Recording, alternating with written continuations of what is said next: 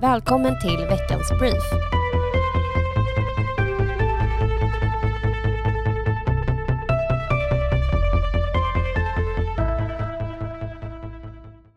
I veckan presenterade justitieminister Gunnar Strömmer den största offensiven någonsin mot den organiserade brottsligheten.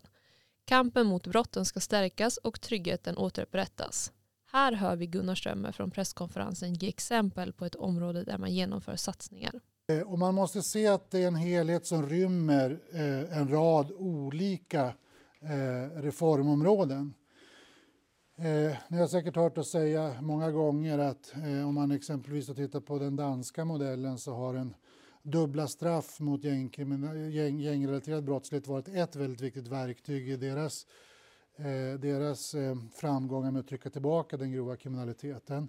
Eh, men eh, när vi säger att vi vill se en fullständig och genomgripande översyn av strafflagstiftningen så är det så att säga en komponent men det är just en mycket, bred, mycket bredare perspektiv.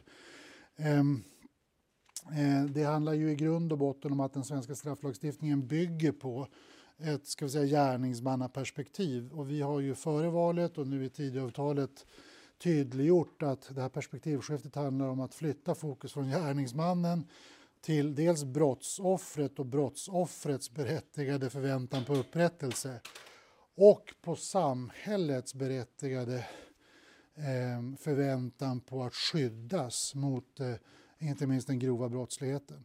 Och har man det perspektivet så kommer man också med systemmässigt eh, behöva se på strafflagstiftningen. Jag kan ta ett mycket konkret exempel Eh, som kommer ingå i en sån översyn. Idag finns det en, en presumtion som man säger, alltså att domstolarna ska utgå från att går att välja en lindrigare påföljd än fängelse så ska man göra det. Det är ett uttryck för det här gärningsmannaperspektivet i strafflagstiftningen. Genom att ta bort en sån presumtion, en sån utgångspunkt eh, så kommer domstolarna inte i första läget utgå från att gärningsmannen ska få den lindrigaste möjliga påföljden utan man kommer snarare utgå från brottsoffrets Eh, då berättigade förväntan på upprättelse och samhällets behov av skydd och låta det vara vägledande för valet av påföljd. Det är ett konkret exempel på det. Utöver det ska Polismyndigheten växa med målet att polistätheten åtminstone ska motsvara med genomsnittet inom EU. Brottsbekämpande myndigheter måste också få bättre verktyg som utökade möjligheter till hemliga och preventiva tvångsmedel. Nya sätt att ta brottsvinster från kriminella och minskad sekretess mellan myndigheter. Vidare är det lika viktigt att ge alla barn en ärlig chans att lyckas som att skärpa straffen.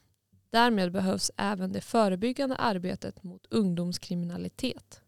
Här vill regeringen stärka socialtjänstens brottsförebyggande arbete samtidigt som föräldraskapsstödsprogrammet byggs ut. Stockholmarna uttrycker även en oro för ekonomin. Stigande inflation, dyrare matpriser, en bostadsmarknad i gungning och tydliga tecken på en lågkonjunktur. Orosmolnen är många på den ekonomiska Stockholmshimlen skriver tidningen Mitt i Stockholm. Så här säger finansminister Elisabeth Svantesson. Vanligtvis när man går in i en lågkonjunktur kan man se till så att efterfrågan stimuleras. Man går med underskott för att få upp aktiviteten i ekonomin. Det kan vi inte göra nu. Då riskerar inflationen att fortsätta vara på en hög nivå vi behöver ta ansvar och se till att det som penningpolitiken gör inte motverkas. För att underlätta för hushållen i denna svåra tid har regeringen bland annat presenterat högkostnadsskydd på el som vi snart ska prata mer om och sänkta drivmedelspriser som talades om inför valet. Det är glädjande i en orolig ekonomisk tid att högkostnadsskydd på el kommer. En modell har nu presenterats av regeringen som kommer innebära ett efterlängtat och välbehövligt stöd för svenska hushåll och företag. Summan för högkostnadsskyddet blir 55 miljarder kronor och 5 miljoner svenskar berörs i elområde 3 och 4 där behovet är som störst. För Stockholms del innebär det att ersättningen hamnar på cirka 50 öre per kilowattimme baserat på medelpriset förra året. I ny mätning från Novus visar det att Moderaterna återigen tagit platsen som Sveriges näst största parti. För första gången sedan augusti är Moderaterna nu större än Sverigedemokraterna i SVT Novus väljarbarometer. Sverigedemokraterna får 19,4 procent i undersökningen medan 20,2 procent uppger att de skulle rösta på Moderaterna om det vore val idag. Ett positivt styrkebesked för oss moderater. Och för att ta vid där vi avslutade förra veckan så är ormen tillbaka i sitt terrarium. Slutet gott, allting gott. Detta var veckans brief för den här gången. Vi är tillbaka samma tid nästa vecka. Kom ihåg att trycka på prenumerationen och eh, notifikationsknappen så att du får notiser när vi lägger upp nya avsnitt. Vi ses nästa vecka.